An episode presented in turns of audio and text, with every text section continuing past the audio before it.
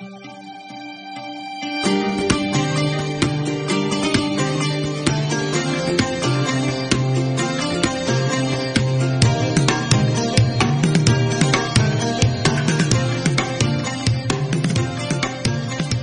جميعا.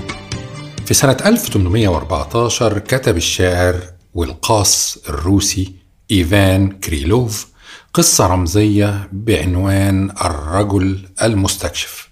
حكى فيها عن راجل دقيق قوي.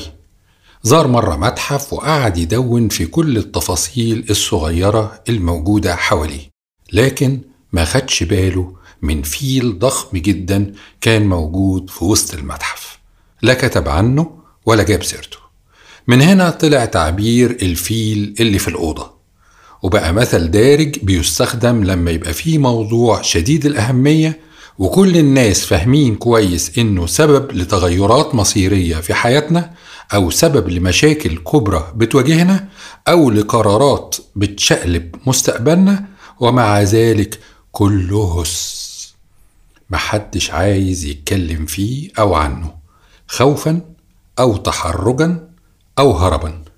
والنتيجة إن المشاكل بتكبر وتتضخم وتتعملق بتبقى أكبر حتى من الفيل. ممكن تبقى حوت ممكن تبقى ديناصور يدوس على كل اللي بنيناه. النهاردة هنتكلم عن الفيل مع دكتورة متخصصة في التعامل معاه. أنا ياسر نجم ومعانا النهاردة الدكتورة آية البحقيري. الدكتورة آية البحقيري متخصصة في العلاقات الزوجية والعلاقات الجنسية. أنا عايز بس أقول لكم إننا وجدنا صعوبة شديدة جدا إننا نلاقي وقت نعمل الحلقة دي مع الدكتورة آية. الدكتورة آية مشغولة طول الوقت وبالعافية قدرنا نقتنص من وقتها ساعة نتكلم فيها. ودي الحقيقة فيها ميزة وفيها عيب. الميزة طبعا للدكتورة آية وللمرضى بتوعها وبرضه ميزة للمجتمع إن الناس دلوقتي عرفت التخصص ده وبقت تروح للمعالجين عشان يتكلموا في مواضيع ما كانوش بيتكلموا فيها زمان. الفيل اللي في الأوضة زي ما اتكلمنا عنه من شوية. فدي أنا شايفها حاجة صحية جدا. العيب بقى إننا اضطرينا نسجل في أجواء مختلفة شوية عن الحلقات اللي فاتت. أجواء فيها شوية أصوات خارجية كده ممكن تلاقوها في الخلفية فجودة التسجيل هتلاقوها أقل حبة من المعتاد. لكن هنعوض ده بإذن الله بالمحتوى الرائع اللي هتقدمه لنا الدكتورة آية البحقيري عن الفيل عن مشكلات العلاقات الزوجية والمشكلات النفس جنسية اللي بتأثر تأثير كبير جدا على حياتنا.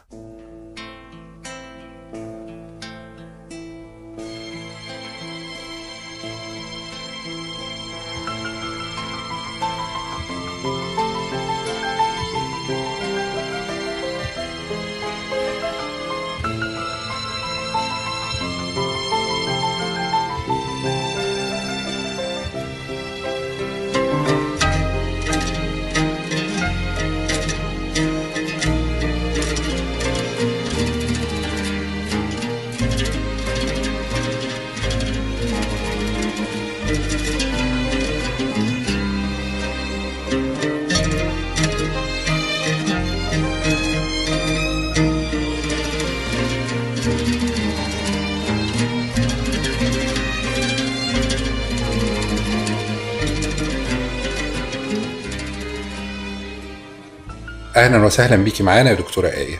أهلا بيك يا دكتور ياسر. أنا سعيدة جدا بالفرصة دي وممتنه ليك إنك اتحتها لي حضرتك متخصصة في العلاقات الزوجية والعلاقات الجنسية.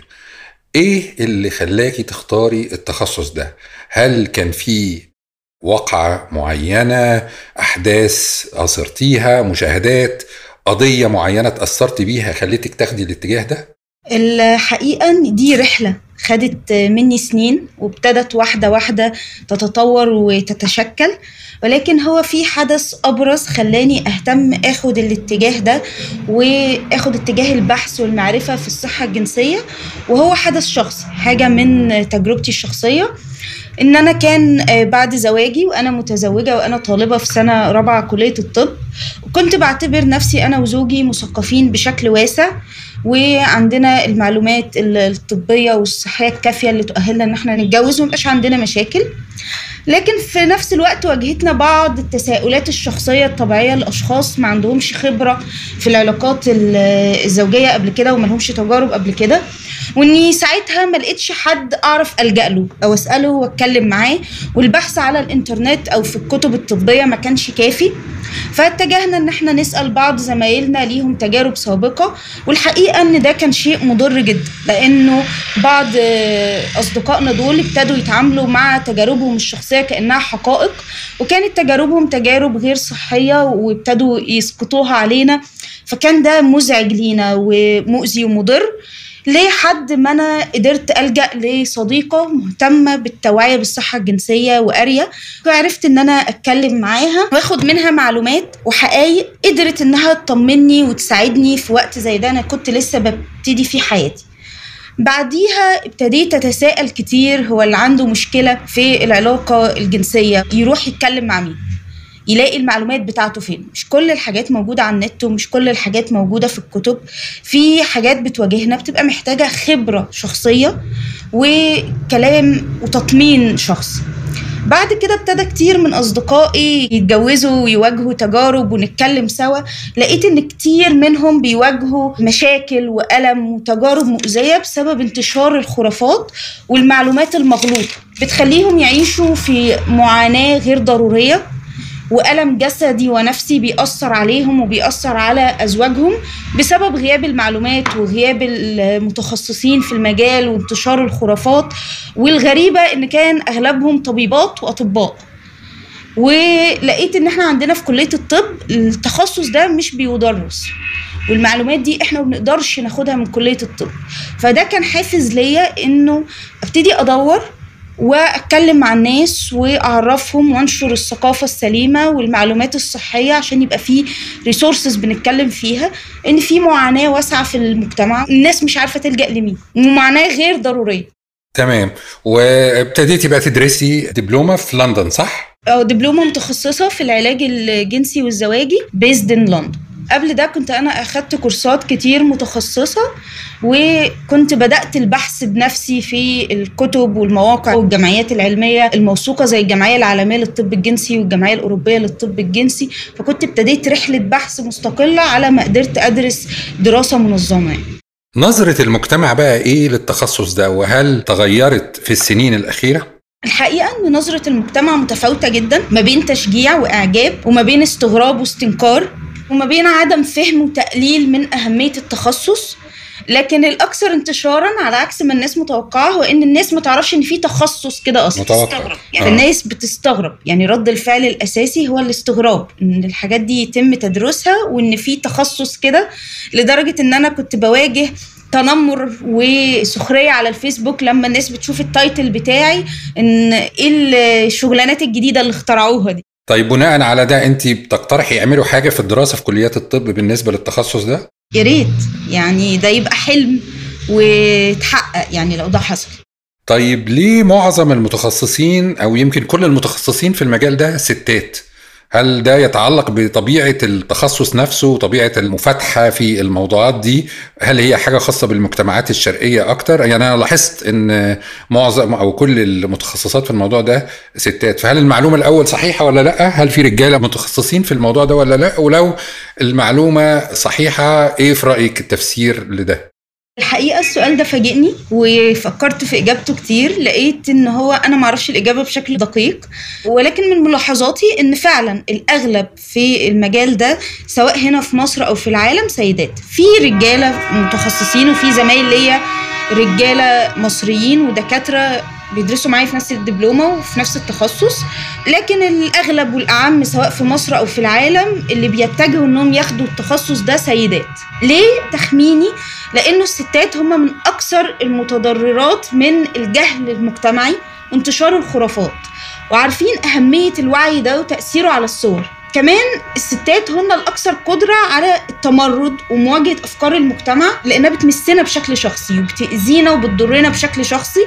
هن كمان الأكثر قدرة على لمس الألم ده في حياة السيدات واللي بالطبيعة أقل إحساس بالعار في الاعتراف بمشاكلهم الجنسية من الرجاله فده بيكون إلى حد ما محفز زائد إنه بشكل عام التخصصات النفسية والعلاج النفسي منتشر ما بين السيدات أكتر لأنهم اتدربوا اجتماعيا على إنهم يلمسوا الجانب ده من نفسهم يقدروا يعبروا عنه ويعرفوا أهميته كويس. والله هي إجابة مقنعة الحقيقة يعني بحييك عليها. طيب إحنا بنسمع ونقرأ دايما الناس يشتكوا من الجواز وسنينه رجالة وستات. فهل في الواقع في حاجة اسمها حياة زوجية سعيدة؟ ولا ده مفهوم حالم وأقصى حاجة ممكن نتمناها إن يبقى عندنا خليط من السعادة والمعاناة الحب والألم السلام والصراع. الجواز من وجهة نظري هي مساحة بين شخصين بنملاها باللي إحنا عايزين نملاها بيه. بنملاها باللي جوانا بأفكارنا بمشاعرنا بأحلامنا وتطلعاتنا. وتجربة كل واحد فينا ممكن تكون تجربة فريدة بيصنعها مع شريكه أو مع شريكها. بشكل ممكن يكون مستقل تماما لو إحنا عايزين. إحنا نقدر نصنع السعادة في زواجنا ونقدر نخليه زواج تعيس مليء بالمشاحنات والحروب. بالتأكيد مفيش حياة بدون مشاكل وعقبات وصراعات. مفيش حياة مثالية وردية زي ما بيجي في أفلام ديزني كده زي live the happily ever after وتتر النهاية ينزل. لا هي بداية بداية لحياة جديدة إحنا بنرسمها سوا وبجهودنا إحنا نقدر نصنع حياة زي ما بنقول كده جيدة بما يكفي. إن الزوجين يكونوا حليفين لبعض رفقاء طريق مصدر راحة وأمان لبعضهم في مواجهة الحياة. مش ضروري إن الزواج يكون حلبة صراع وساحة حرب. ممكن جدا إن إحنا نكون مساحة تكون مساحة سلام لينا في مواجهة عقبات الحياة.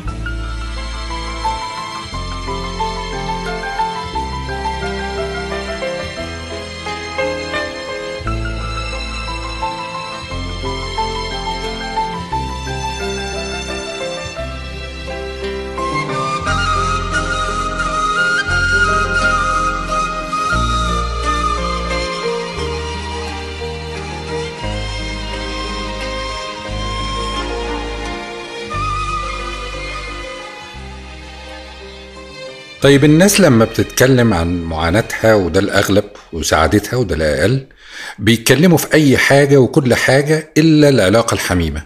وده مفهوم بالطبع خصوصا في مجتمعاتنا الشرقية. من تخصصك وخبرتك وممارستك كمعالجة للأزواج كام في المية بتبقى الأسباب متعلقة بالعلاقة الحميمة من تحت لتحت كده من غير ما حد يحكي عنها؟ وإذا كان محدش بيحكي عنها على الملأ وده زي ما قلنا مفهوم هل بينهم وبين بعض كمان ما بيتكلموش فيها؟ يعني هل شائع مثلا إن يجيلك زوجة وزوج بيشتكوا من مشاكل أخرى غير العلاقة الحميمة وبعدين لما تتعمقي معاهم تكتشفي إن أصل المشكلة أو جانب كبير منها راجع لتعثر العلاقة الحميمة وهم نفسهم حتى ما يعرفوش ده أو يعرفوه بس عمرهم ما ناقشوه أو حاولوا يحلوه؟ أنا ما عملتش إحصائيات دقيقة عشان أقدر أدي نسب. الموضوع معقد ودائما في تداخل ما بين العلاقة العاطفية والعلاقة الجنسية طول الوقت. مفيش مشكلة جنسية ما بتأثرش على العلاقة العاطفية والحياة اليومية ما بين الزوجين ومفيش مشكلة حياتية ما بين الزوجين ما بتأثرش على العلاقة الجنسية. ولأن أنا متخصصة في العلاج الزواجي والجنسي فدايما بسأل عن الجزء العلاقة الجنسية كجزء من ال clinical history أو التاريخ بتاع العلاقة. حتى لو هم ما فتحوش الموضوع أنا دايما بفتحه حتى لو الشكوى اللي هم جايين بيها مش شكوى ليها علاقة بالعلاقة الجنسية. وكتير طبعا بكتشف إن في أزواج بيبقوا جايين بمشكلة ليها علاقة بالتواصل أو خناق على ماديات أو خناق ما بينهم وما بين الأهل أو خيانة. وبيطلع في مشكلة جنسية مش محلولة ومش عارفين يتكلموا فيها. والعكس كمان بيحصل إنه كتير الأزواج بيبقوا جايين بمشكلة جنسية ومتخيلين إن هي دي اللي مسببة لهم تعاسة في حياتهم وإنها لو اتحلت هيبقوا أزواج سعيدين. وفي الواقع ما بتبقاش دي المشكلة الأساسية وبتبقى مجرد عرض لمشكلة أعمق في الزواج ما بينهم. فأحيانا كتير بيحصل إن المشاكل الجنسية يتم تجاهلها وأحيانا بيتم المبالغة في تقدير أهميتها وتصديرها على إن هي سبب المشاكل ما بين الزوجين في حين إن هي ما بتبقاش ليها فعلا الحجم ده والمشكلة بتبقى في حتة تانية. ردا كمان على سؤالك هل الأزواج ما بيتكلموش مع الغريب بس ما بيتكلموش مع بعض؟ في الحقيقة وفي الواقع إن كتير جدا من الأزواج والزوجات بيبقى أسهل عليهم إنهم يتكلموا مع غريب يتكلموا مع دكتور أو يتكلموا مع متخصص عن إنهم يقعدوا ويتكلموا مع بعض.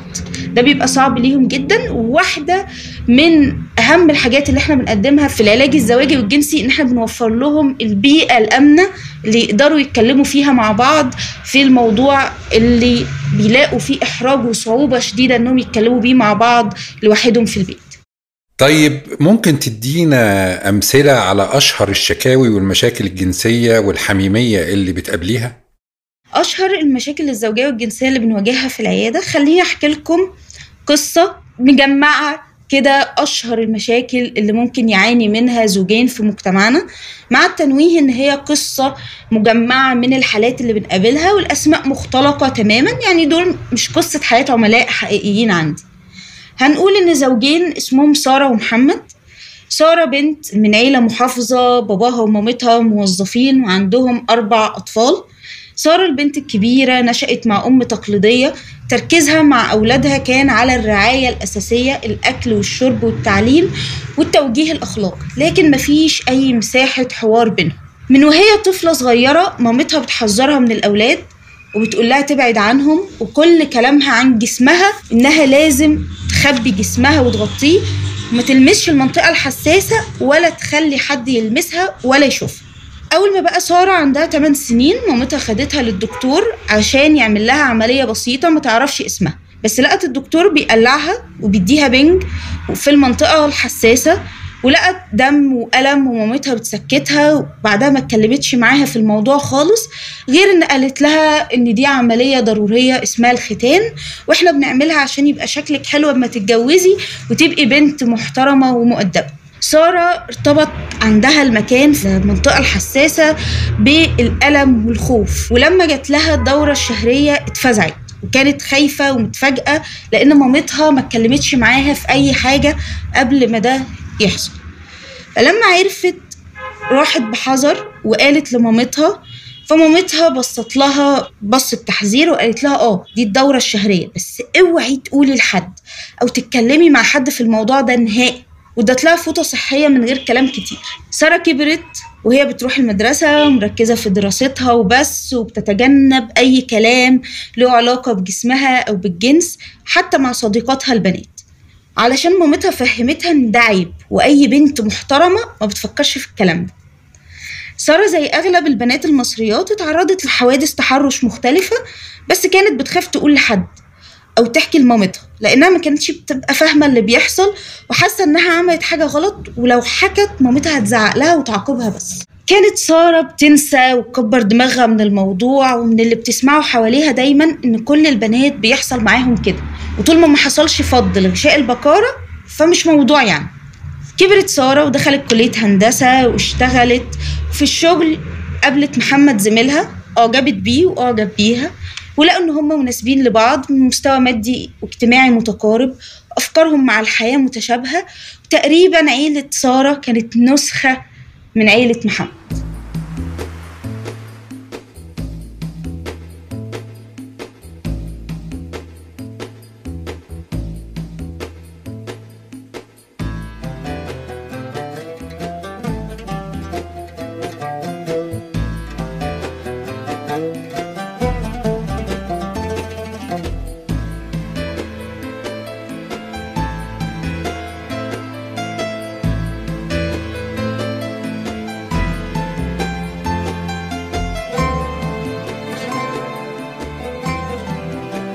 فاتقابلوا واتخطبوا عشان هما من بيئة محافظة ما اتكلموش في أي حاجة تخص العلاقة الجنسية طول فترة خطوبتهم.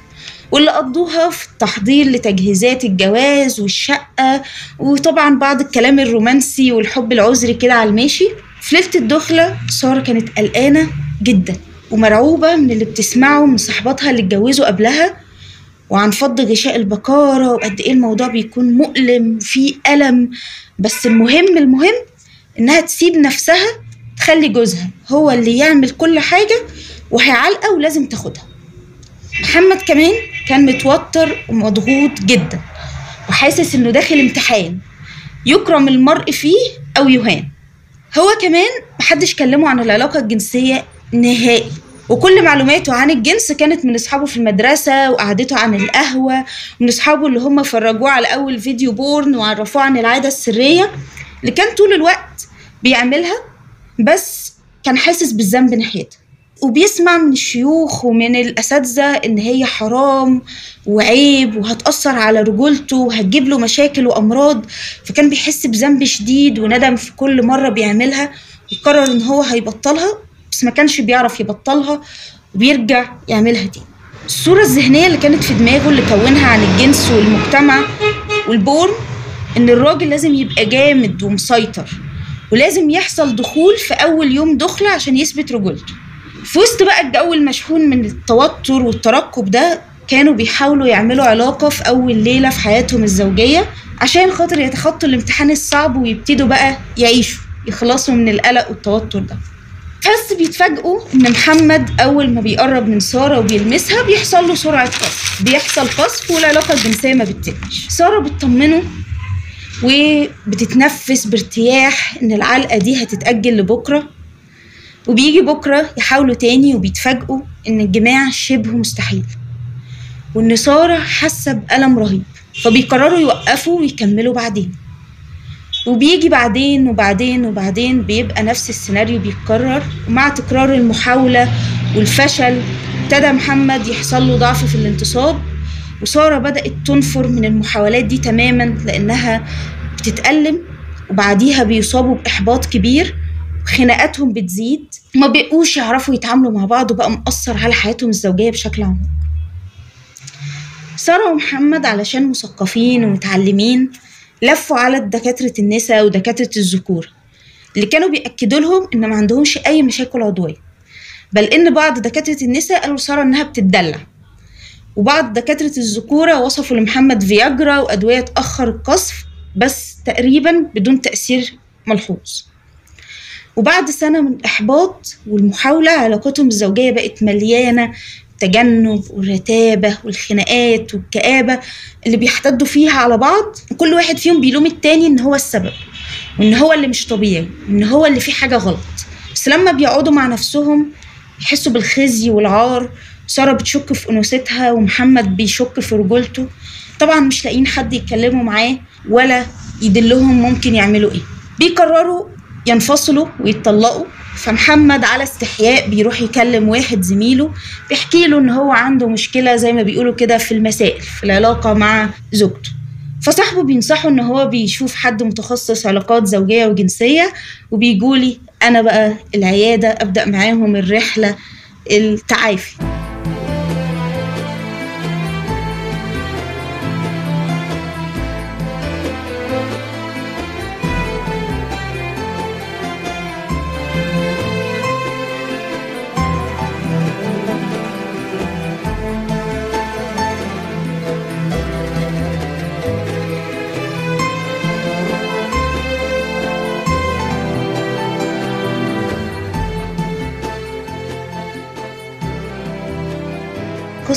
مش شرط إن هي بتواجه كل الأزواج كل ال couple بيبقى عندهم كل المشاكل دي ولكنها بتلخص أشهر المشاكل اللي بتقابلنا في العيادة زي مشاكل الجماع المؤلم أو التشنج المهبلي سرعة القذف وضعف الانتصاب عند الرجالة قلة الرغبة الجنسية والنفور من الجسم عند الرجال والنساء القلق المرتبط بالأداء الجنسي أو ال performance anxiety الصدمات النفسية اللي مرتبطة بالجنس وما تخلفه من آثار نفسية وجسدية.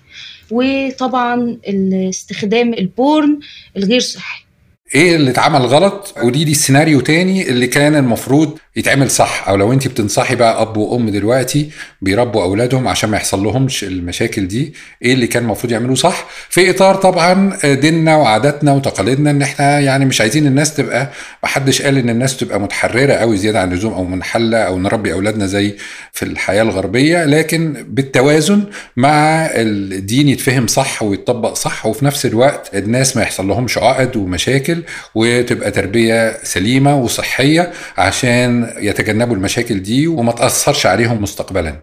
أول حاجة إن إحنا بنبقى محتاجين نوفر لأولادنا بيئة صحية للنمو النفسي والجسدي. نبقى قادرين نوفر لهم مساحة إن إحنا نتكلم معاهم في كل حاجة ونبقى مساحة أمان ليهم. إن مامة سارة كانت محتاجة إن هي تتواصل مع بنتها أكتر زي ما بتهتم بأكلها وبشربها ودرجتها في المدرسة تهتم كمان بعلاقتهم سوا وبصحتها النفسية وبإنها تبقى بتعرف تتحاور معاها وتاخد وتدي معاها في الكلام. سواء كان الولد أو البنت بيحتاجوا من وهم صغيرين إن الأهل يتكلموا معاهم بانفتاح وبتقبل عن أجسامهم. من أول وهم لسه ثلاث وأربع سنين إن إحنا نسمي الأعضاء التناسلية باسمها. إن إحنا نسمي الأعضاء الجنسية باسمها. ما نديهاش أسامي دلع توتو وسوسو والمنطقة الحساسة. ده بيوصل في حد ذاته رسالة للأطفال إن دي حاجة عيب ما ينفعش نتكلم عنها. بنسميها باسمها الحقيقي ونحاول على قد ما نقدر نكون مرتاحين وإحنا بنكلم عيالنا. نبقى بنشتغل على نفسنا إحنا إن إحنا نكسر الخوف والخزي والأحكام اللي جوانا عن جسمنا وعن العلاقة الجنسية عشان خاطر لما نعرف نكلم ولادنا نبقى بنوصل لهم مع المعلومات ال attitude الصح المشاعر اللي فيها تقبل وفيها normalization إن ده جزء طبيعي من حياتنا. بنوفر للأطفال المعلومات اللي تتناسب مع سنهم في كل مرحلة على قد ما يقدروا يستوعبوا وعلى قد ما يقدروا يفهموا مع إننا بنبقى موفر لهم مساحة إن هم لو عايزين يسألوا على أي حاجة يقولوا لنا لو واجهتهم أي حاجة غير معتادة يجي يقولوا لنا. إن إحنا بنعلم الأطفال عن جسمهم وعن حدودهم صح نعلمهم عن خصوصيتهم ولكن بدون تخويف. ولكن بدون ترهيب بدون ما نعمل لهم صدمة نفسية ورعب من أجسامهم. سواء الولد أو البنت محتاجين يعرفوا عن البلوغ وعن أجسامهم وعن الجنس الآخر قبل ما يمروا بمرحلة البلوغ وتبقى صدمة نفسية بالنسبة لهم. يحتاجوا يبقوا عارفين التغيرات الجنسية اللي جسمهم بيمر بيها. ان سارة كان لازم مامتها تقول لها إن في حاجة اسمها بيريود وإنها بتيجي للبنات وإن في دم بينزل. وإن دي حاجة طبيعية جدا وحاجة صحية وما تبصلهاش بقرف وهي بتديها الفوطة الصحية لأ تعرفها من قبلها إن دي حاجة بتحصل ولما تحصل تعالي قولي لماما وتتكلم معاها بشكل في فرق يوضح الفرق ما بين الخصوصية وما بين السرية وإحساس إن إحنا عاملين حاجة عيب. محمد كمان كان محتاج باباه أو مامته اللي متوفر من الآباء يتكلموا معاه ويفهموه ان في حاجة اسمها بلوغ وإن في مرحلة بلوغ بنمر بيها وإن في حاجة اسمها علاقة جنسية ما بين الراجل والست وبتتم بالشكل الفلاني وده اللي بيخلي الأطفال يجوا بحيث لما هو يمر على تجربة البلوغ يبقى عارف ما يبقاش عنده فضول يأذيه يخليه يروح يقعد مع أصحابه أو يشوف أفلام porn تأثر على كيمياء المخ عنده وتخليه أغلب الوقت حاسس بالذنب ومشدود ومتخيل إن اللي بيحصل في ال porn ده هو اللي بيحصل ما بين الأزواج على الطبيعة. ال cornerstone هنا في الموضوع إن إحنا نفسنا يبقى عندنا الأولويات ونكلم أطفالنا ونديهم المساحة إنهم يعرفوا يتكلموا معانا ويسألونا ونبقى إحنا مصدر الآمن ليهم في المعلومات. وإحنا بقى بنوصل المعلومات لسارة ولمحمد بنعرفهم عن الدين وعن الأخلاق وعن الحدود الاجتماعية اللي مقبولة والقيم اللي بتنظم العلاقات دي ما بين البشر. ده لوحده بيكون كافي جدا إن الأطفال تلتزم أخلاقيا تلتزم دينيا مش شرط خالص عشان إحنا نطلع ملتزمين ان إحنا نحوط الأمور بالجهل وبالخوف وبالسرية وبالأذى. حاجة كمان من أهم الحاجات اللي إحنا لازم نحمي أولادنا منها مش بس نعمل إيه لا كمان ما نعملش إيه. يعني مامة سارة ما كانش ينفع خالص وهي بتكلمها عن جسمها تحسسها بالقرف. والد محمد ما كانش ينفع يحسسه بالذنب ولما يشوفه وهو بيعمل عادة سرية أو لما يقفشه وهو بيعمل عادة سرية يحسسه إن هو مجرم وبيعمل حاجة فيها إجرام وهيخش النار ويخوفه ويرهبه من نفسه ومن جسمه. ما ينفعش طبعا الختان ده جريمة تأثر على الحياة النفسية والجسدية لل... والأسرية للست لمدة سنين وأحيانا كتير. مش دايما بتكون صدمة نفسية عنيفة بتتطلب تعافي على المستوى النفسي والجسدي. فقبل الجواز كمان محتاجين نحمي عيالنا من المجتمع. نحميهم من رسائل المجتمع المدمرة اللي بتوصل الجواز على إن هو ألم وخضوع للست ومجال لإثبات الذات والرجولة للراجل وامتحان يا يفشل فيه يا ينجح فيه. محتاجين إن إحنا نوصل لولادنا رسالة إيجابية عن أجسامهم وعن العلاقة بنفسهم وبالجنس الآخر إن الجنس ده علاقة طبيعية حميمية. إحنا بنمارسها عشان نستمتع عشان نتواصل مع شركائنا بشكل شخصي تماما. محدش له عندنا حاجة ودي مش مساحة إثبات رجولة ولا إثبات أنوثة وطبيعي جدا إن إحنا نبقى في الأول بنستكشف نفسنا وبنستكشف بعض وبناخد وقتنا لأن دي زي ما بنقول كده learning curve مساحة تعلم ومساحة تجريب. ومفيش مشكلة خالص لو حصل عندنا أي مشكلة إن إحنا نلجأ لمتخصصين. ده لا بيقلل من ذكورة الراجل ولا بيقلل من أنوثة الست. تمام جدا. الله ينور عليكي. إجابات الحقيقة شافية ووافية وأتمنى ناس كتير جدا يسمعوها ويسمعوها بوعي مش بس يسمعوها من هنا ويفوتوا من هنا لا يسمعوها بوعي إن هم فعلا يبقوا حريصين إن هم ينفذوها. إذا ما كانش لسه فات الأوان وعندهم أولاد في سن التربية وإذا كانوا فعلا ولادهم كبروا دلوقتي يخلوا بالهم برضو من أحفادهم عشان تطلع أجيال جديدة عندها صحة نفسية وجنسية وسلوكية سليمة. في نقطة كده جانبية جت في دماغي دلوقتي وإحنا بنتكلم أو وانت بتشرحي. هل في علاقة بين اللي انت قلتيه ده والاختلاط بين الولاد والبنات في سن مثلا المدرسة وسن الجامعة؟ هل مشاكل ممكن تكون أكتر للناس اللي هم مختلطين أكتر ولا المنعزلين اللي فيه انعزال بين الجنسين والولد تقريبا عمره ما شاف بنات قبل كده أو عمره ما اتكلم مع بنات قبل كده وكان تربية محافظة زيادة عن اللزوم. الجنس الآخر بالنسبة له حاجة غامضة وحاجة مهيبة زي نوع من الشك قدامه إن هو يقرب قوي كده من البنات زي لأول مرة عند الجواز والعكس بالنسبة للبنات برضو أما تكون محافظة وبالنسبة لها يعني الراجل ده غريب دوت الراجل اللي متجوزاه ده جنس الرجال نفسه كله بالنسبة لها غريب.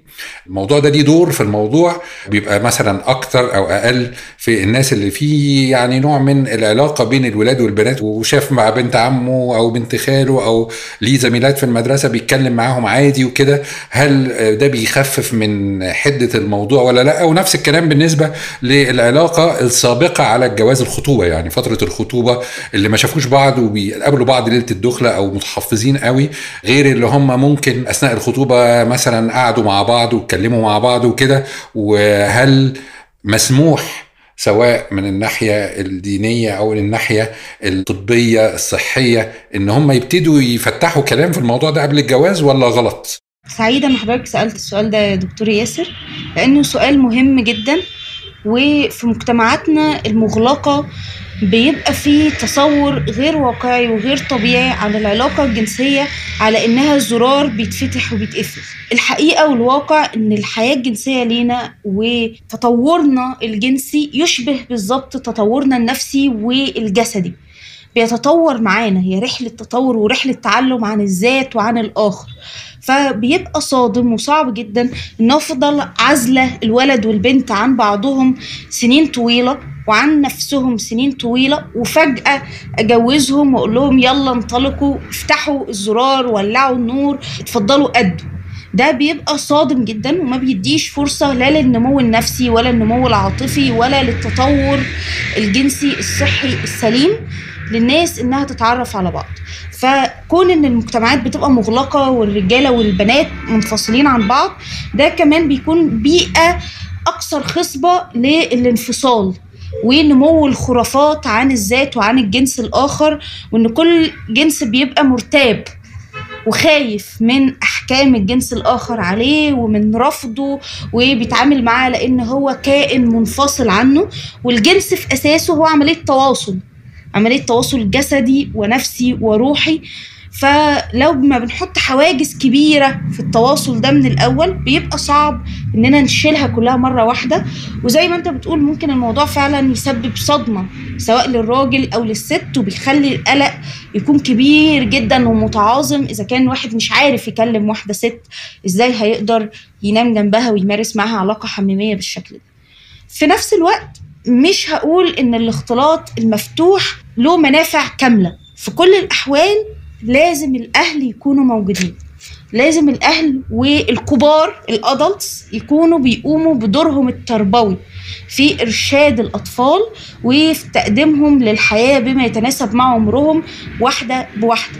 يعني أحيانا كتير برضو الاختلاط بينتج عنه مشاكل وبينتج عنه صدمات نفسية نتيجة إن الأطفال ما بيبقاش فوقيهم إشراف ما بيبقاش عندهم توجيه ومفيش حد بيعلمهم الحدود فبيبتدوا يستكشفوا نفسهم مع بعض أو يتعرضوا لتجارب اساءه أو يتعرضوا لحاجات أكبر من سنهم ما كانش المفروض يتعرضوا لها في السن ده. كلا الحالتين الأهل لازم يكونوا بيقوموا بدورهم ويبقى عندهم وعي في توجيه أولادهم تقديم المعرفة والتوجيه القيمي والاخلاقي المناسب ليهم. وطبعا أنا بشجع إن المخطوبين يتكلموا في الموضوع.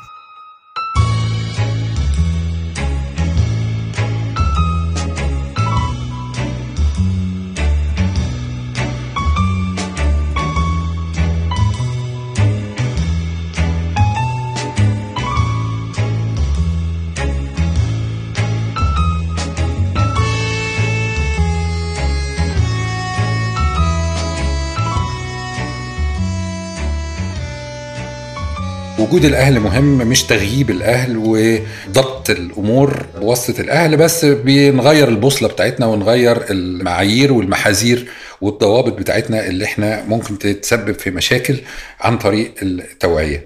في ناس بتقول طيب إحنا ما كناش بنشوف المشاكل دي زمان أنتوا فتحتوا علينا فتوحة الإنترنت والفضائيات والجرأة والتحرر وكانت الناس عايشة زمان في سلام الآباء والأمهات وما كناش بنسمع عن لا مشاكل زوجية ولا مشاكل جنسية وكانت الأمور بتمشي والبيوت ماشية والناس كانت محافظة على أخلاقها وعاداتها وانتوا الانترنت والفضائيات والتحرر وانفتاح الإعلام بوظوا أخلاق الناس والناس فسدت. فهل ده فعلا حقيقي؟ ولا الحقيقة إن هي المشاكل دي كانت طول عمرها موجودة بس بتتقفل بتتخبى تحت السجادة وبتتقفل عليها الباب وما بتتناقش أصلا والناس بتعاني في صمت أو حتى لو ناقشوها بيناقشوها في الداخل ومحدش بيعرف عنها حاجة.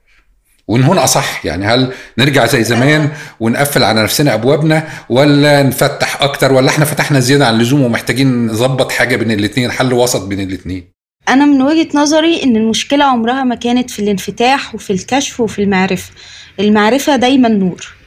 فالإجابة على السؤال ده أعتقد إنها خليط ما بين الاتنين. أيوة المشاكل دي طول عمرها موجودة والناس بتخبي التراب تحت السجادة ومفيش حد الناس تتكلم معاه وما كانش فيه كمان رفاهية إن الناس تتطلق أو تتجوز كذا مرة أو تلجأ لمتخصص أو يبقى فيه نت عشان تنشر عليه مشاكلها. المشاكل دي طول عمرها موجودة بس ما كناش بنسمع عنها لأن كانت كل حاجة ما كانش حتى ألفاظ أو مجال يتنشر فيه المشاكل اللي زي دي. فالمجتمع تطور ووعي المجتمع تطور وبحث الناس عن السعادة الشخصية كمان في الزواج زاد. فابتدى الأنظار تلتفت أكثر للمشاكل دي والناس تبتدي تدور لها على حل. زائد إن الثورة أو الانفتاح على العلاقات الجنسية بادئ تقريبا من السبعينات فهي شيء حديث إن الناس ابتدت تتكلم تفكر وتحاول تشيل الخزي والعار والتكتيم عن العلاقات دي. فده طبعا هيطلع لنا المشاكل اللي كانت بتعيش ناس في تعاسة سنين وبيقبلوا بيها على إن هو ليس في الإمكان أفضل مما كان وهي دي طبيعة الأمور.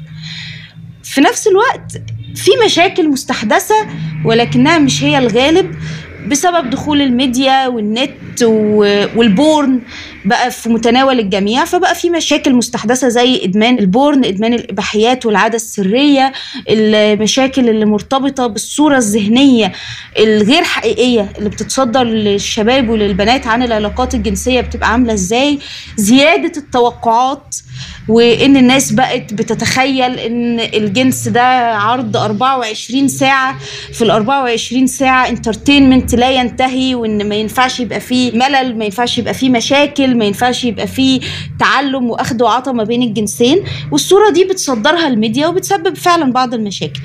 لكن هل الحل هو إن إحنا نقفل؟ لا طبعا الحل عمره ما كان إن إحنا نبقى نقفل. الحل إن إحنا طول الوقت نبقى واعيين بنتكلم بنقرأ وبنرجع لقيمنا وعاداتنا وبنبص جوده الحياة اللي إحنا عايزينها. إحنا عايزين نحقق حياة شكلها عامل إزاي.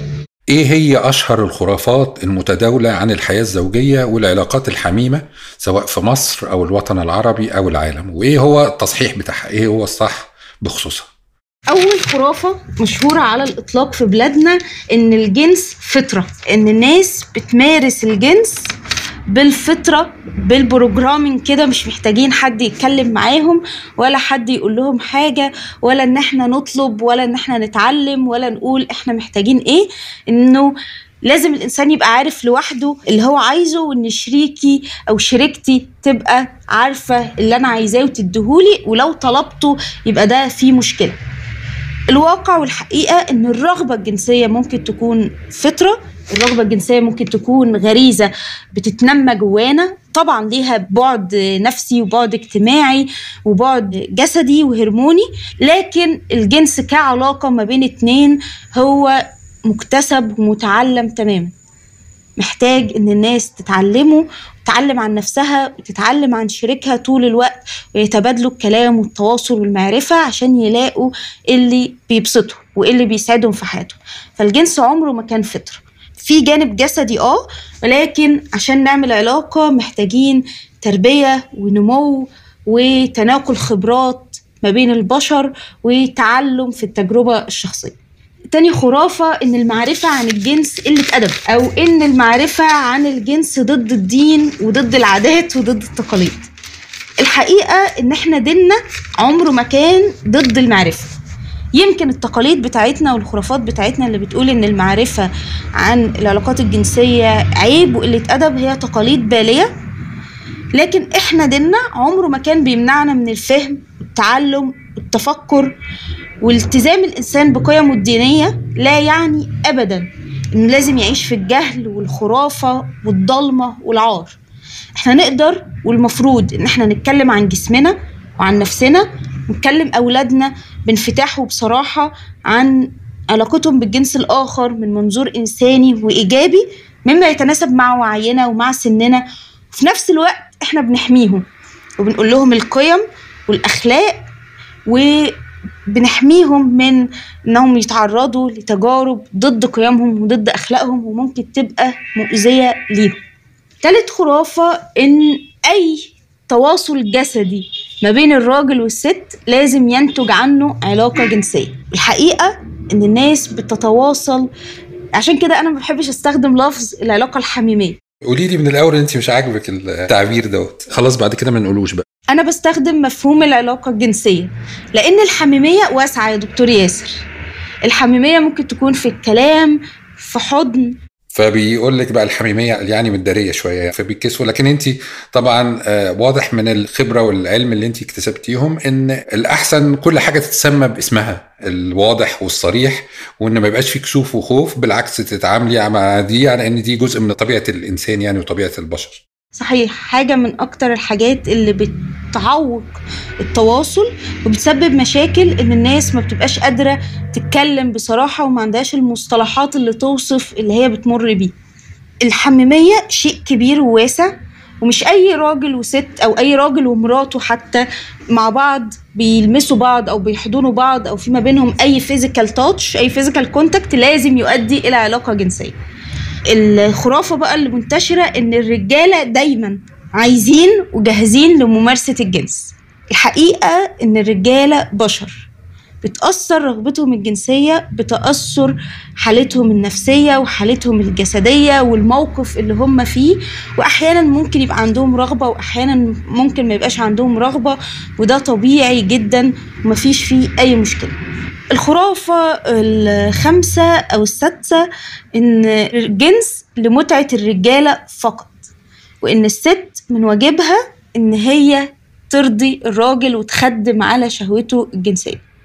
والحقيقة إن الستات عندهم القدرة على الاستمتاع بالعلاقة الجنسية زي الرجالة بالظبط وعندهم رغبة جنسية هم كمان والعلاقة الجنسية الصحية بيبقى الطرفين فيها بيتبسطوا مع بعض وبيستمتعوا بإعطاء المتعة وبالإحساس بيها في نفس الوقت. فالعلاقة الجنسية الصحية بيبقى في علاقة تبادلية تبادل في الرغبة وتبادل في الإرضاء. إنه الستات لازم توصل للراجل إن هو قدر يبسطها وإن هو قدراته الجنسية عالية جدا حتى لو ده مش الحقيقة. حتى لو الست ما وصلتش للأورجازم لازم تمثل إنها وصلت للأورجازم.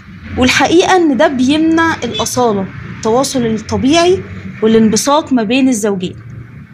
دايما الصراحة والتواصل اللي ما فيهوش حساسية ولا تأليف ما بين الزوجين هو الأكثر صحية وهو اللي بيوصلهم للمتعة. مش إن أنا أمثل على اللي قدامي إن أنا مبسوطة. الستات وبالذات في مجتمعنا بتتوقع إن الراجل عنده كل المعلومات عن الجنس. إن هو يبقى عارف كل حاجة عشان هو راجل. مش بس يبقى عارف كل حاجة عن نفسه لا يبقى كمان عارف كل حاجة عنها. اعتقاد غير منطقي تماما وغير واقعي لأنه مصدر المعرفة للراجل هو القهوة والبورن وصحابه ولو عرف شوية حاجات بيبقى عارف عن نفسه يمكن ومن تجارب ضيقة في حين إن الست أو كل إنسان هو خبير نفسه ولازم يبقى عنده المعرفة الأساسية بذاته وبالعلاقة وإن مفيش أي مشكلة إن الست تبقى عارفة أكتر أو الراجل يبقى عارف أكتر ويعلموا بعض أو حتى يتعلموا مع بعض. لكن الرجاله مش بتتولد متسجل على ال hard disk بتاعهم المعلومات عن العلاقات الجنسية الصحيحة أو الممتعة. في خرافة كمان مشهورة ودي من أكتر الخرافات اللي الرجالة بيتأذوا بيها أو بيتأثروا بيها إن دايما الست معتقدة إن الراجل لازم هو اللي يبدأ العلاقة الجنسية ولازم هو اللي يقود العلاقة الجنسية وهي ما ينفعش تعبر عن أي رغبة. الحقيقة إن ده بيوصل لكتير من الرجالة إحساس بالرفض وبيحرمه من إحساس إن هو يبقى مرغوب من زوجته. وإن مفيش حاجة تمنع أبدا إن الزوجة تبين رغبة في شريكها وإن هي تعبر عن احتياجها وتبدأ هي وتقود العلاقة الجنسية. الستات مش لازم تستنى الرجالة هما اللي ياخدوا الخطوة الأولى.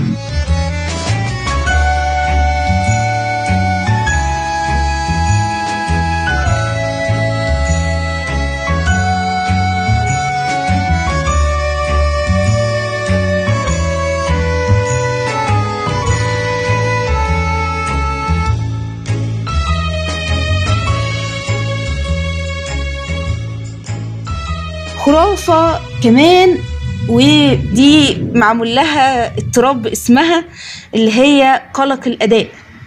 إن اللي مهم بالنسبة للرجالة والستات في الجنس هو الأداء.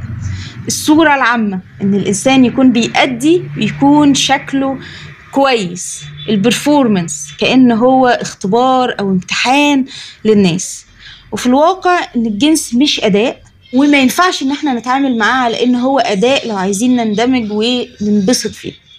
دي بقى الخرافة اللي معمول لها الاضطراب اللي إحنا بنسميه ال performance anxiety إن طول ما الراجل أو الست مقتنعين إن هم داخلين على performance داخلين على أداء ولازم يعجبوا ال audience فبيجي لهم قلق يخليه عندهم مشاكل زي ضعف الانتصاب سرعة القصف عدم القدرة على الاندماج أو الوصول للأورجازم.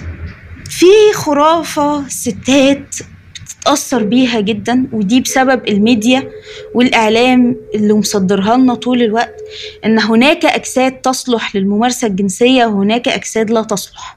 الحقيقة إن كل الأجساد مهما كان حجمها أو وزنها أو شكلها نقدر إن إحنا نحصل بيها على متعة جنسية وعلى علاقة جنسية جميلة طول ما في ثقة في النفس وفي سياق يسمح بالتواصل الإنساني ومعرفة إيه اللي يسعد كل من الطرفين.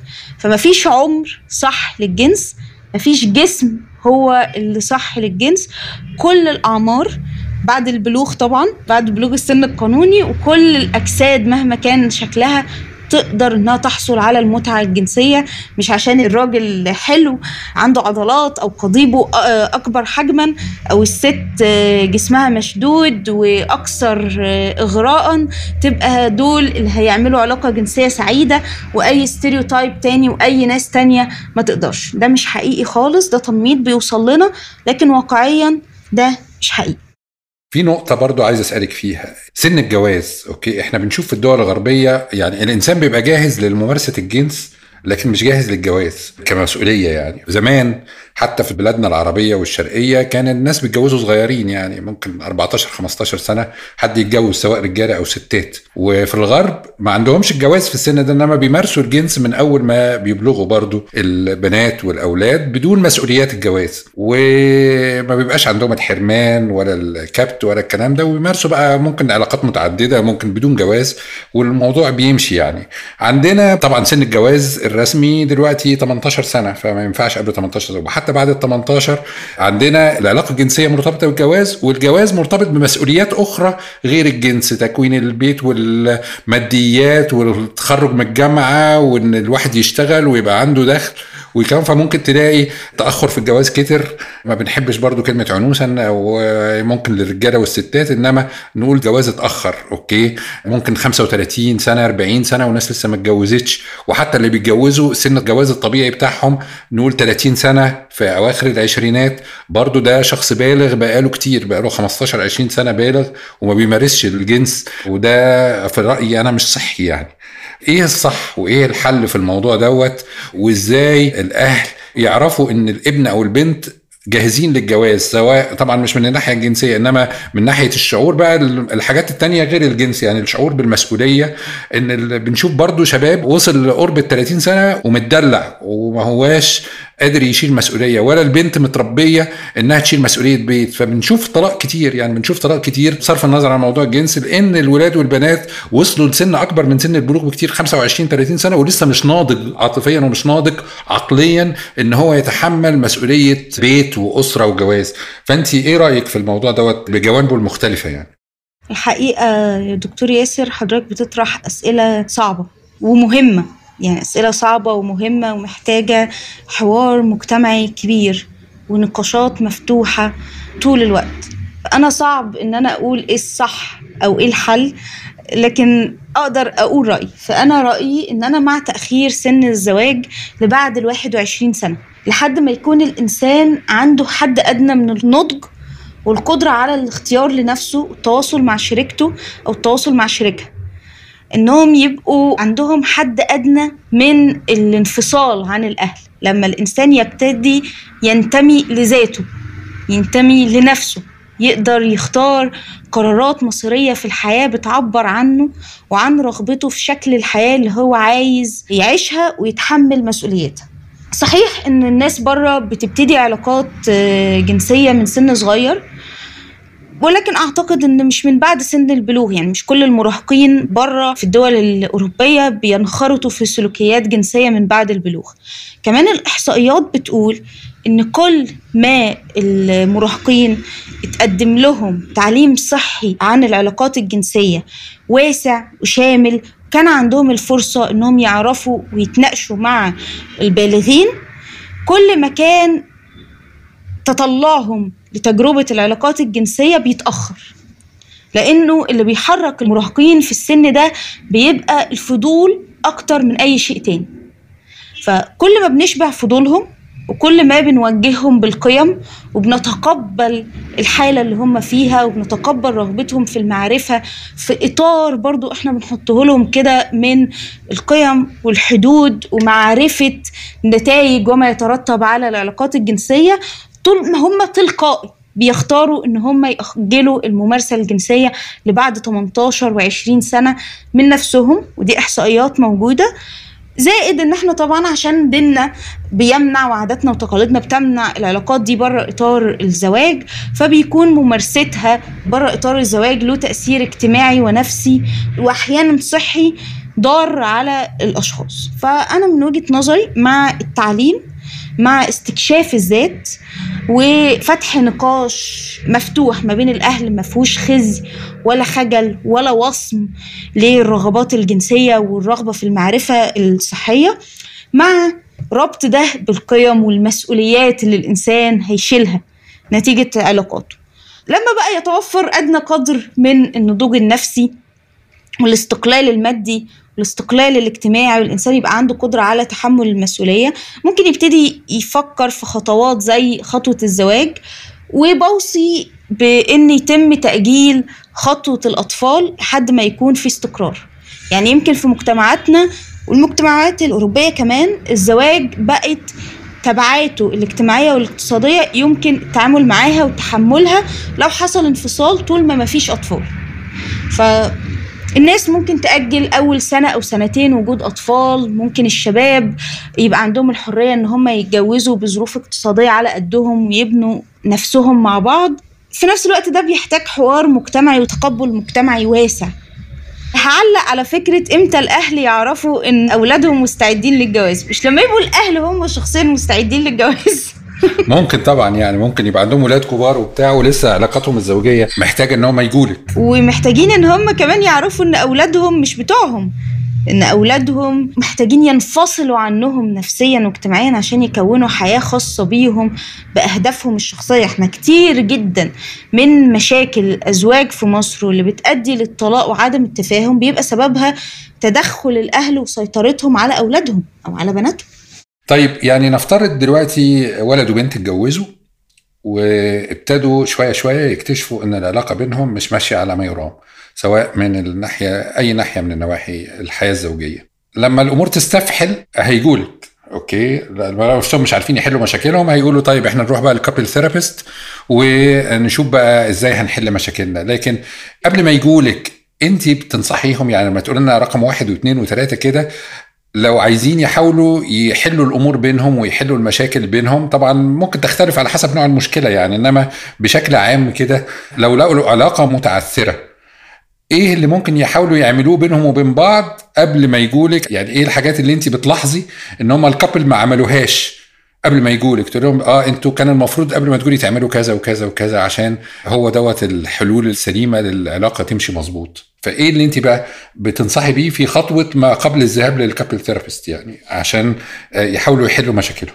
في خطوة أنا بنصح بيها قبل الجواز عموما سواء كانت جواز تقليدي أو جواز عن حب.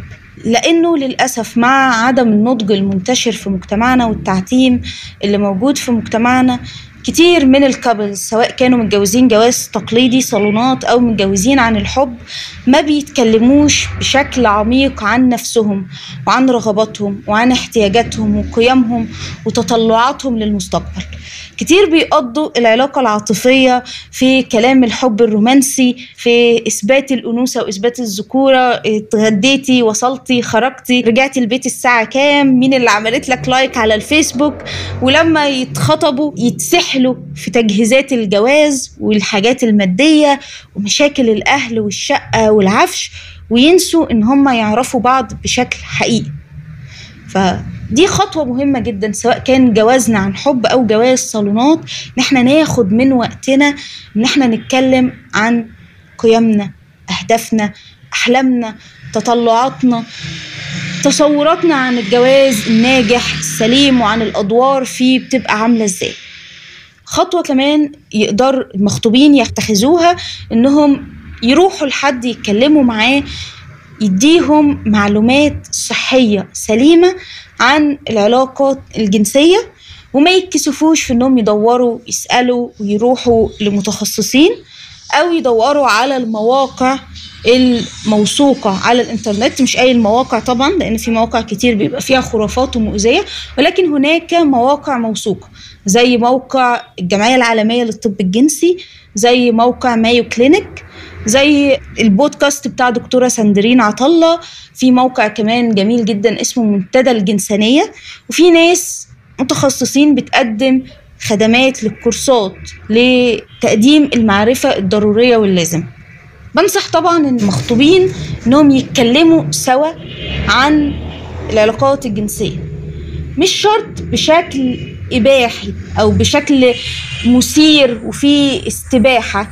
لأن يبقى في علاقة مثلا قبل الجواز ولكن يقدروا يتكلموا بشكل عملي عن مخاوفهم عن تفضيلاتهم عن خلفيتهم عن تطلعاتهم واللي قيمهم. ما بتسمحش إن ده يحصل. عندنا في ثقافتنا بعد كتب الكتاب والفرح بنصح دايما إن هم يسيبوا فسحة كده من الزمن شهرين ثلاثة يقدروا يقربوا فيها لبعض ويتكلموا فيها مع بعض بشكل مقبول اجتماعيا ومقبول دينيا. بعد ما يتجوزوا ولو حصل ما بينهم مشاكل أهم حاجة هي التواصل إن هم يحرصوا على إنهم يكتسبوا مهارات تواصل فعالة المهارة اللي كتير مننا بيفتقد ليها في مجتمعنا هي مهارة الأكتيف listening أو الاستماع الفعال. إني ببقى بسمع اللي قدامي وبتكلم معاه عشان فعلا عايزة أسمعه. مش عشان عايزة أرد عليه مش عشان بجهز له الرد وعايزة أهزمه في المناقشة. إن هما الاتنين يبقوا عندهم القدرة على إنهم يتحدوا خوفهم ويتكلموا مع بعض بصراحة ولكن بلطف. وبدون توجيه اتهامات أو انتقادات. إن في حاجات خط أحمر ما ينفعش نعملها. ما ينفعش نوجه لبعض إساءة أو عنف لفظي أو عنف جسدي أو شتيمة أو إهانة. ده بيعمق الأمور ولو كان حصل فعلا لازم يقف. لازم تقف. ما نزيدش الأمور سوءا. إن إحنا كل واحد فيهم يحاول يقعد مع نفسه ويتحاور مع نفسه ويحدد إيه اللي مضايقه بالظبط. كل ما كنا أكثر قدرة على إن إحنا نحدد إيه اللي مضايقنا بالظبط وإيه اللي إحنا عايزين نحققه وإيه الطلب اللي إحنا عايزين نطلبه وإيه هدفنا في العلاقة وإيه اللي ممكن يساعدنا. كل ما زادت قدرتنا على التواصل مع الطرف الآخر وإن إحنا يبقى في ما بيننا حوار فعال. مهارات الاستماع الفعال ومهارات التعاطف. إني طول الوقت أفكر نفسي إن اللي بتكلم معاه أو اللي بتكلم معاها دي زوجتي. شريكة حياتي. رفيقة الرحلة اللي زي ما بحط في العلاقة زي ما بيطلع لي. فما ينفعش أكون بهاجم أو بتعامل معاها زي ما أكون بتعامل مع عدو أو بتعامل معاها زي ما أكون بتعامل مع عدو. فهنا بيبقى مفيد جدا استخدام مهارات التعاطف وإني أحط نفسي مكان اللي قدامي. لما ده بيحصل والناس تقدر تتكلم مع بعض بهدوء وحسن نية ويحددوا أهدافهم سوا إحنا طب إحنا بنتخانق على إيه؟ طب إحنا عايزين نوصل لإيه؟ فتحديد المشكلة جزء كبير جدا من الحل وساعتها ممكن يبتدوا يحطوا لنفسهم مجموعة حلول تجريبية مع التزام ونية نية صادقة في إنهم فعلا يوصلوا لهدفهم المشترك يعرفوا بقى يجربوا يعرفوا يستشيروا أو يدوروا والنصيحة بالذات في مجتمعاتنا إن إحنا ما ندخلش حد من الأهل ما بينا إلا لو كان شخص حكيم للغاية قلبه على الجوازة دي إن هي تكمل ويكونوا سعداء.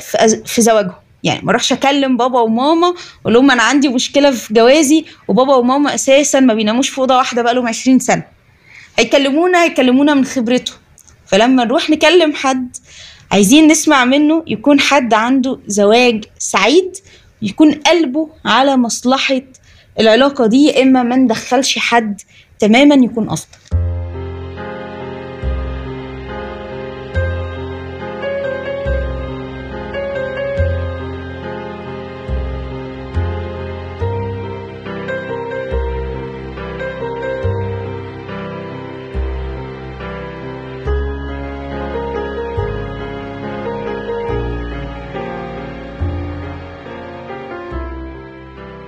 هم دلوقتي ما عملوش طبعا بالنصائح بتاعتك دي والعلاقة تعثرت وخلاص قالوا هنروح لل couple therapist وجولك إيه هي أنواع الدعم والعلاج اللي أنت بتعملي؟ أنت بتعملي إيه بالظبط؟ اشرحي لنا شغلك.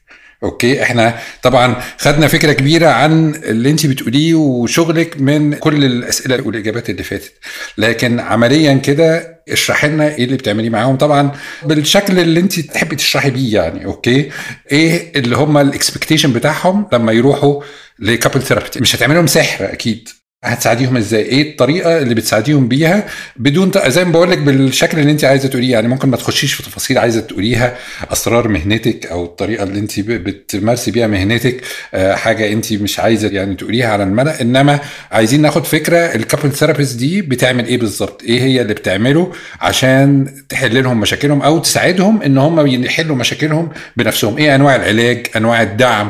هل في أدوية في الموضوع؟ هل هو كلام بس؟ هل انت اللي بتتكلمي ولا هم اللي بيتكلموا؟ هل في مواد معينة بتساعديهم بيها مواد معينة بيشوفوها بيقروها بيتفرجوا عليها؟ احكي لنا بالظبط انت بتعملي إيه.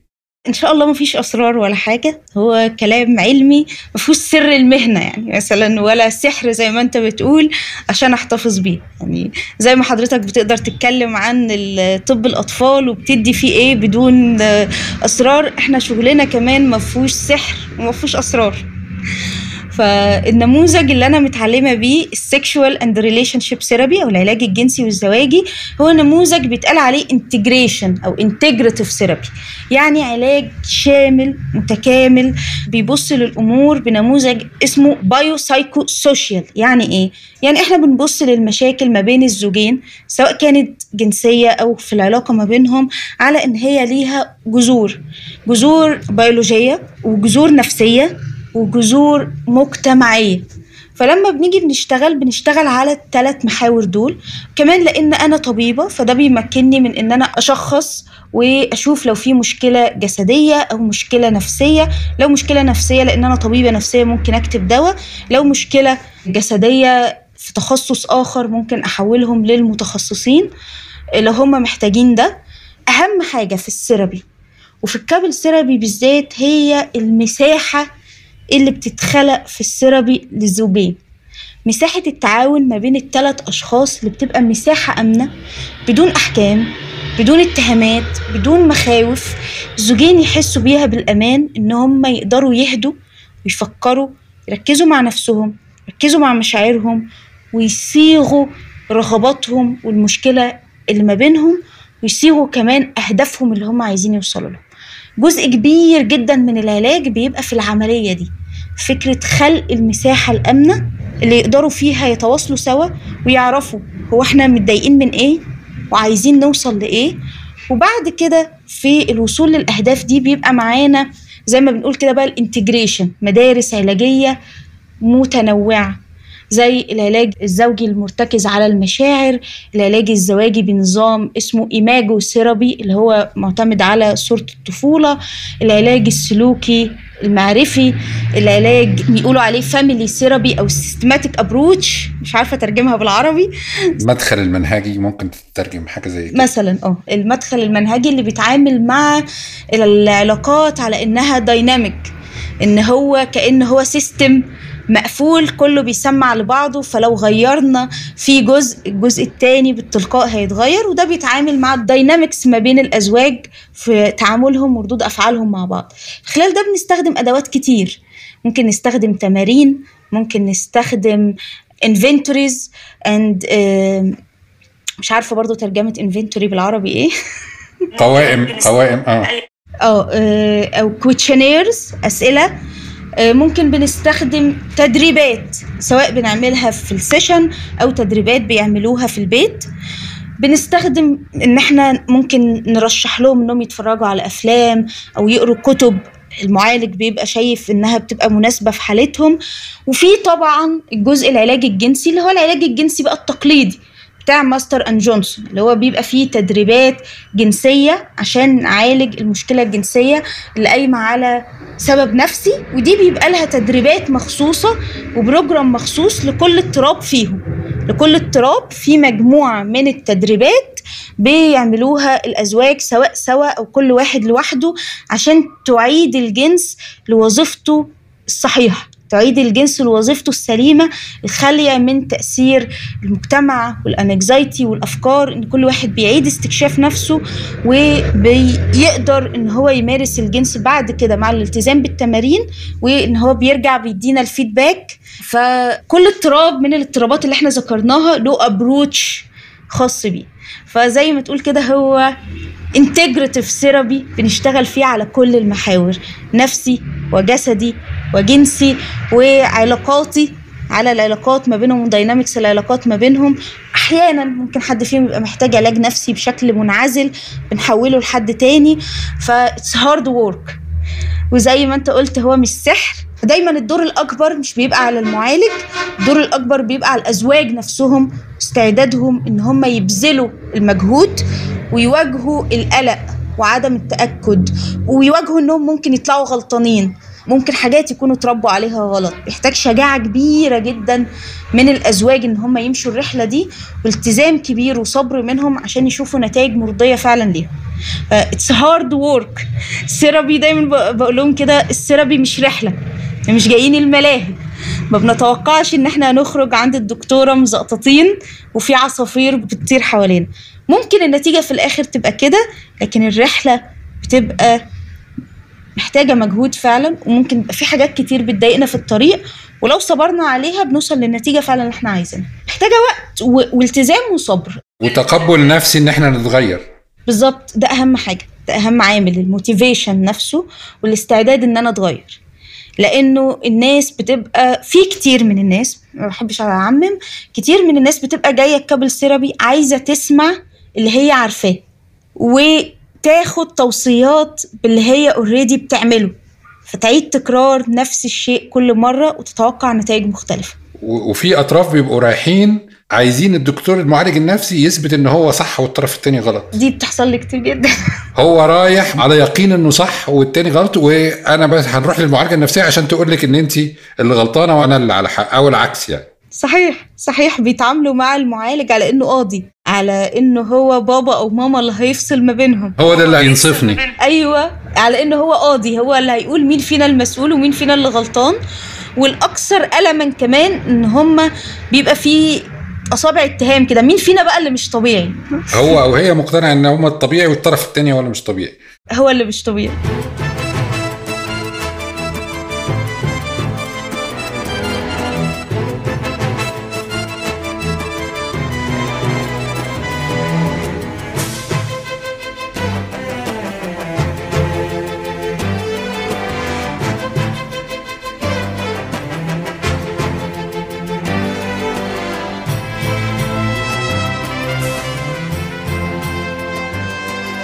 طيب أنا أسئلتي كده خلصت. هل في أنت من عندك أي إضافة أنا ما غطيتهاش تحبي أنت تقوليها أو تتكلمي فيها؟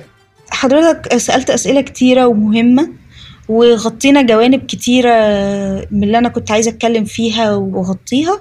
هي نصيحة أو ممكن أختم كده بنصيحة لو كان لي. أن أنصح إن وإحنا بنبني حياة زوجية نبقى حاطين قدامنا هدفنا. إحنا عايزين إيه؟ وإن إحنا نعرف إن إحنا عشان نعيش حياة سعيدة فده هياخد مننا وقت ومجهود وانفصال عن المجتمع. لأن إحنا المجتمع بتاعنا السائد فيه غالبا هي وصفة للتعاسة الزوجية التعاسة في الحياة. اللي عايز يبقى سعيد بيواجه تحدي الانفصال وحرية إنه يختار لنفسه طريق مختلف يحقق بيه أهدافه. كلنا علينا مسؤولية ده إن إحنا نبقى عارفين إحنا عايزين إيه ونبذل مجهود إن إحنا نحققه. العلاقة الزوجية بتقوم بطرفين بيبقى مسؤولية أولا سعادتنا مسؤوليتنا الخاصة وبعد كده إحنا بنتشارك مع أزواجنا إن إحنا نخلق علاقة سعيدة. صعب جدا تبقى المشاكل اللي في العلاقة مسؤولية إنسان واحد. غالبا بتبقى المسؤولية متوزعة على الاتنين فما بيفيدش أبدا إن إحنا نوجه أصابع الاتهام. على قد ما بيفيد إن إحنا نتعاون سوا في إن إحنا نوصل لهدفنا. وزي ما دكتور جابور متي في كتابه The Myth of Normal قال انه الطريق إلى الجحيم مش مفروش بالنوايا الحسنة الطريق إلى الجحيم مفروش بانعدام النوايا إن إحنا نبقى بنتجوز وبنتخانق وبنخلف وإحنا مش عارفين إحنا عايزين إيه. يعني ده أحلى ختام للحلقة أو أحكم ختام للحلقة من الحكمة يعني. بنشكرك كتير جدا دكتورة آية البحقيري والحقيقة ما شبعناش من الكلام معاكي وأكيد هيبقى لينا لقاءات أخرى قريب إن شاء الله لأن الموضوعات مهمة جدا ومحدش بيتكلم فيها فإحنا محتاجين نكسر التابوهات ونبتدي الناس تتكلم عشان نوصل لحالة صحية سليمة في حياتنا الزوجية اللي هي يعني أهم علاقة في المجتمعات كلها على اختلافاتها يعني سواء مجتمعات مصرية أو عربية أو شرقية أو غربية. وأنا متأكد طبعا هيبقى الناس عندهم أسئلة كتير عايزين يسألوها فمش هنسيبك معلش يعني ممكن نحتاجك تاني. تنورينا في حلقات قادمة بإذن الله. فألف شكر ليكي وإن شاء الله نلتقي تاني قريب. أنا متشكرة لحضرتك جدا يا دكتور ياسر ومتشكرة على الفرصة دي ومتشكرة لكل المستمعين.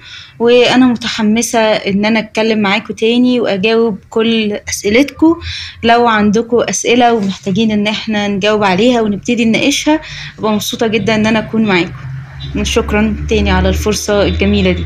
أصدقائي الأعزاء كل واحدة وكل واحد منا له تربيته وثقافته وبيئته وأسلوبه في الحياة الشخصية والأسرية.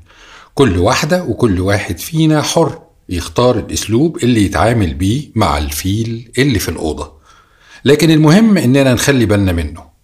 أسوأ شيء إننا نبقى مش شايفينه أو عاملين نفسنا مش شايفينه. إلى اللقاء في حلقة قادمة بإذن الله من كرسي في أول صف.